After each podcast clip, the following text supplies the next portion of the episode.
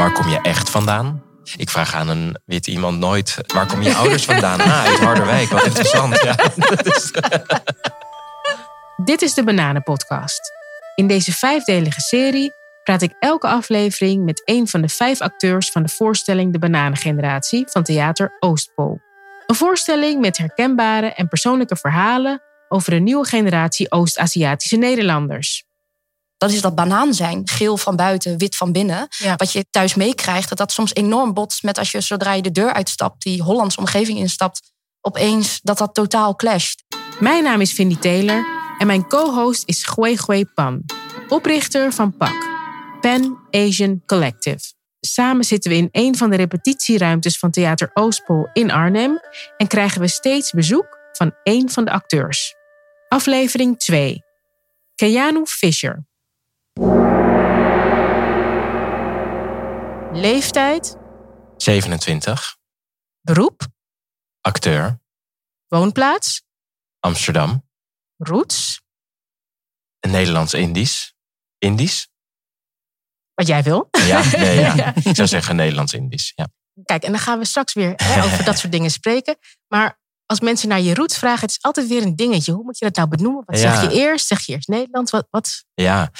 Ja, het is moeilijk. Ik voel me allebei uh, evenveel. Maar je bent toch geneigd om het Nederlands als, uh, als de basis te zien. En het andere dan te benoemen. Ja. Maar dus eh, ik denk dat na deze, nu ik bezig ben met, met deze voorstelling, dat ik kies voor Nederlands-Indisch. Nederlands-Indisch. Ja, Nederlands-Indisch. Ja. Oké, dit is je tweede voorstelling bij toneelgroep Oostpol. Zeker. Waarom vond je het juist belangrijk om aan deze voorstelling mee te doen? Um, nou, tijdens de toneelschool um, in mijn afstudeerjaar was ik bezig met het schrijven van uh, mijn scriptie. En die uh, scriptie ging over uh, Aziatische representatie. Dus ik wilde eigenlijk onderzoek doen naar waarom er zo weinig Aziatische acteurs te zien zijn. En welke beeldvorming daarmee gepaard gaat. Dus ik was daar al een tijdje mee bezig, had interviews gedaan, was in mijn eigen geschiedenis gedoken daarvoor. ook naar mijn eigen acteercarrière voor de toneelschool al gekeken voor die scriptie. En uh, zo halverwege het schrijven van die scriptie, ik kende Charlie al persoonlijk, um, sprak ik Charlie hier een keer over. En toen zei hij, volgens mij uh, ben ik precies een voorstelling hierover aan het maken. En okay. um, volgens mij moeten we gaan samenwerken. Ja. Dus um, ja, zodoende heb ik uh, wat meer gesprekken met Charlie gehad over wat hij precies wilde doen met deze voorstelling. En toen dacht ik, dit Volgens is mij het. is dit, is dit Mhm. het. En Ja. perfecte timing, precies wanneer ik hiermee bezig ben. En precies wanneer de wereld dit ook nodig heeft, denk ik. Maar, maar die. Oh, Ja. Ik ben gewoon even nieuwsgierig natuurlijk. Ehm, want mijn vak gaat over Ja. representatie van de Aziaten in media en cultuur. Ja. Wat waren jouw bevindingen? Ehm, nou, mijn allergrootste bevinding is dat het gewoon een heel complex iets is, ten eerste, denk ik. En dat er niet, eh, ik bedoel, mijn streven met zo'n scriptie was natuurlijk om er een oplossing voor te vinden. En die bleef uit. In de zin van dat ik wel heel veel geleerd heb door met verschillende mensen te spreken. Maar dat zoiets als ehm, een oorzaak vinden of ehm, een oplossing vinden, dat dat gewoon, eh, dat het niet zo eenduidig, dat er geen kla- kant-en-klaar antwoord op was. Eh, wat ik wel heel interessant vond, was eh, het onderzoeken van de stappen die wel al worden genomen. De geluiden die je wel al hoort, waar ik dus nu zelf onderdeel van mag zijn. En om andermans verhalen te horen, want daar kwam ik vooral achter. Er is gewoon weinig geschreven en weinig gezegd over dit onderwerp. Dus wat verraste je het meeste? Want Eh, nou, ik sprak bijvoorbeeld toevallig met Newm, die ook in deze voorstelling zit, die ik toen nog niet kende. Die heb ik toen geïnterviewd, omdat ik wist dat zij van Vietnamese komaf is. En omdat zij al best wel lang meegaat in het vak. Dus ik heb haar toen geïnterviewd. En ehm, ja, de bevindingen waren dat het gewoon eh, best slecht gesteld is, eigenlijk, vond ik, met, ehm, met Aziatische representatie. Dat ze eigenlijk bijna alleen maar rollen kon opnoemen die zij had gespeeld, waar toch altijd wel een vorm van stereotypering in zat. Of wel niet complexe rollen. eh, het zijn hele... geen diepere laag. geen Ja, diep- en- Eendimensionaal. ja, ja. En dat zij gewoon, eh, ja, om het maar even plat te zeggen, tien keer harder heeft moeten werken dan de meeste van haar collega's die eh, niet van Aziatische komaf waren.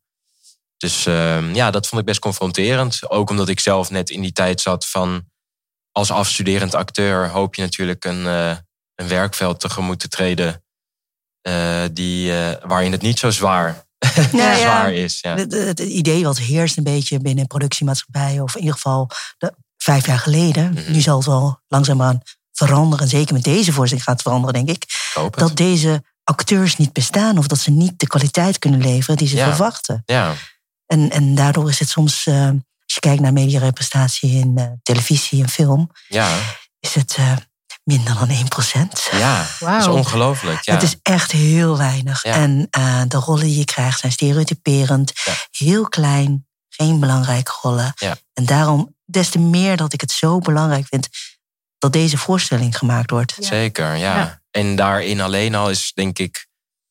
eh, wat ook een van de bevindingen was van mijn scriptie, was. Ja, acteren doet acteren. En Charlie ging op zoek bij deze voorstelling naar Aziatische acteurs. En had daar al heel veel moeite mee. Met, met genoeg mensen vinden om een Mm. eerlijke auditie te houden, zeg maar. En de Ja. beste uit te kiezen. Dus ligt dat dan aan de Aziatische community, dat die allemaal niet het vak ingaan of niet? En daar kwam ik al snel achter. Acteren doet acteren als je niet voorbeelden hebt van mensen. Precies, je moet, je, moet, je moet eigenlijk voorbeelden hebben. Je moet eigenlijk een soort mirror slash eh, hebben waar je mensen ziet die een rolmodel kunnen zijn. Ja. En tegelijkertijd, de mensen die kunnen acteren, vaak krijgen ze een vervolgrol. Precies. Waardoor ja. ook mensen afvallen. Dus je hebt Ja. hele goede acteurs die dan toch gaan studeren, iets anders gaan doen. En Ja. op een gegeven moment denken, ja, ehm, er zijn zo weinig rollen, hiervan kan ik niet leven. Nee. Ja. Dan moet ik maar een vak leren. Ja, En dan moet je dus echt, echt, echt in die kunstenaarsschoenen willen staan. ja, Om dit pad wel te bewandelen. ja, Ja. zeker. Ja, dat is heel ingewikkeld. Nou, Keanu, jij hebt dus blijkbaar niet iets anders gestudeerd. Want eh, Nee. jij, hebt, eh, jij bent acteur en jij hebt wel auditie gedaan Ja. voor, eh, en bent aangenomen. Ja. Hoe ging die auditie? Wat heb je voorbereid? Voor deze voorstelling, Ja. Want het ging heel erg over persoonlijke verhalen. Was het niet lastig om dan... ik moet eerlijk zeggen dat ik geen auditie heb gedaan voor deze voorstelling. Jij kende Charlie al. ja, ik kan nu een heel verhaal ophangen over mijn auditie of voor deze voorstelling. Ik had je gewoon geloofd, hè? Ja, ja, Want ja, jij, jij begint over... eh. Jij kiest ervoor om eerlijk te zijn. Ja, kudos Zeker, nee. Nee, nee, ja, ja. In theater gaat, ik bedoel, eh, er worden natuurlijk vaak audities gehouden. En vaak ook niet in een theater. Ja. En eh, ik denk dat in dit geval dat er gewoon een inhoudelijke klik al was Ja. En tussen wa- mij en Charlie. Ja, Want wat mijn vraag eigenlijk is, Ja. is het gaat om persoonlijke verhalen. ja. En die ver- jullie eigen persoonlijke verhalen worden ook meegenomen in de voorstelling. En dat lijkt me juist heel erg lastig om dingen die je meemaakt, om die dan te verwerken. Hoe, hoe doe je dat precies dan in de voorstelling? Eh, ja. Sommige mensen, de dingen die je meemaakt, noemen dat trauma. Die willen dat daar niet altijd Mm. over hebben. ja, ja. Maar jij gaat het juist uitvergroten of je gaat het juist Nou, ja, tentoonspreiden? ja, ik moet ook eerlijk zeggen dat ik er best tegenop zag tegen het proces. Dus ik vind het heel belangrijk dat dat gemaakt wordt. Maar ja, Ja. uiteindelijk wist ik wel, ik moet het gaan maken samen met Ja. mijn eh, mede-acteurs. Eh, aangezien het dus ook een repetitieproces is waar niet een kant-en-klaar script ligt, maar Nee. we zelf het materiaal moeten gaan maken. Eh, dus ik keek daar eigenlijk best in die zin tegenop, omdat ik dacht, nou, dit gaat een zwaar proces worden. En ik ehm, eh, hou er normaal heel erg van dat er om repertoire te spelen, omdat er stukken liggen en dat je een personage toebedeeld krijgt en dat je achter dat personage, zeg maar, dat je het personage vorm kan geven. En nu sta ik er natuurlijk als mezelf. Ja. Eh, maar ik moet zeggen, ik- en ik vertel dit nu aan al mijn vrienden die ik spreek over deze voorstelling elke keer. Ik had niet gedacht dat ik het zo leuk zou vinden. Dat ik zoveel energie zou krijgen van. Eh, ik merk gewoon in het proces, bij iedereen, bij alle acteurs, het vloeit gewoon, de, het materiaal. Ja, omdat je het veel meemaakt. Ja, hè? Al het ligt dicht bij Ja. onszelf. Dus, eh, Het heeft ja. gewoon heel veel eh, eh, aangewakkerd, lijkt me dan. Ja, ja, Ja, zeker. En, en wat was het dat het precies bij jou ging lopen? Dat je dacht van, hé, hey, klik. Ehm, nou ja, kijk, normaal bij het aanvliegen van een personage moet je natuurlijk wegen vinden waarop je dat personage dan kan gaan leren begrijpen. En nu was dat gewoon niet nodig. Je kon, zeg maar, we, we behandelen elke dag een ander thema en dan gaan we materiaal maken. Dus we hadden het over, ehm, nou laten we zeggen, ouders en migratie. En iedereen komt natuurlijk met zijn of haar verhalen over, ehm, over onze ouders of grootouders in mijn geval.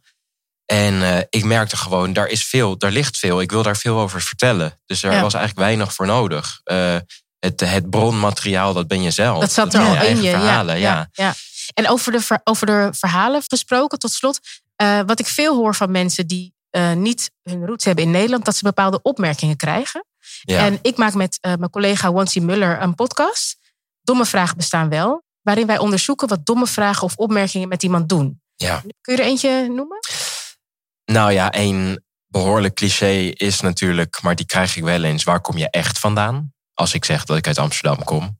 En dan zeg ik, nou, mijn moeder is in Rotterdam geboren. en mijn vader in Beverwijk. Dus, en, als ze en wat zeggen ze daarna? En dan zeggen ze daarna, ja, maar waar kom je echt vandaan? Of waar komen je voorouders vandaan? Uh, dan zeg, geef ik meestal toch gewoon beleefd antwoord uh, uit Indonesië. Of althans, ik zeg vaak ben ik ze tegenwoordig voor. Dus dan begin ik al zelf. Als je bedoelt waar mijn opa en oma daar vandaan komen, van mijn oh, moeders kant, die komen uit Indonesië. Oh, slim. En daarom zie ik er zo uit, als je dat bedoelt. Ja. uh, nee, ik, ik, snap ook wel dat de meeste mensen die dat vragen, dat niet vanuit, uh, niet met slechte wil ja. uh, zo vragen. Maar, maar, is het, maar doet het iets met je zo'n vraag als je hem elke keer krijgt? Nou je, ja, tuurlijk. Ja. Je, hoezeer ik ook trots ben op mijn uh, roots, om het maar even zo te zeggen dat mensen geneigd zijn om, en vaak mensen die je voor het eerst leert kennen, om, uh, om meteen te vragen naar je etniciteit. Je meteen in een ehm, ander hokje te zetten dan dat zij zijn. Uh, betekent ook dat ze dan dus even, misschien daarna, maar in eerste instantie dus even niet verder willen kijken dan, uh, dan etniciteit. Terwijl, uh, normaal, uiterlijk dus. Ja, ik vraag aan een, aan een wit iemand nooit. Uh, maar waar kom je nou echt vandaan? Ja, waar kom je ouders vandaan? ah, uit Harderwijk, wat interessant. Ja. dus, uh, dus dat, ja, dat degradeert je dan even tot alleen je etniciteit. Dat, vind ja. Ik, ja, dat, is, uh, dat is wel echt vervelend. Dat is ingewikkeld, ja. Heb je nou nooit het idee om te zeggen dat je, dat je denkt, nee, ik zeg het niet? Of word je dan boos? Of juist verdrietig? Of vind je het irritant? Of... Um, Want je blijf je altijd maar antwoord geven? Nee, ik blijf niet altijd maar antwoord geven. Nee, nee, ik denk, het ligt eraan. Ik bedoel, het is ook pick your battles. Dus um, het ligt er ook aan met wie ik aan het spreken ben. Als ik het gevoel heb van, nou, volgens mij sta jij wel open voor het gesprek. En um, ga ik jou überhaupt ook nog langer in mijn leven hebben dan dit, dit korte gesprekje, dan vind ik het interessant om dat gesprek misschien achteraf nog zo te zeggen van, want je vroeg daarnaar, ben je dan echt geïnteresseerd in waar ik vandaan kom? Of zeg, vraag je dat alleen maar omdat je ziet dat ik er mhm. Aziatisch uitzie?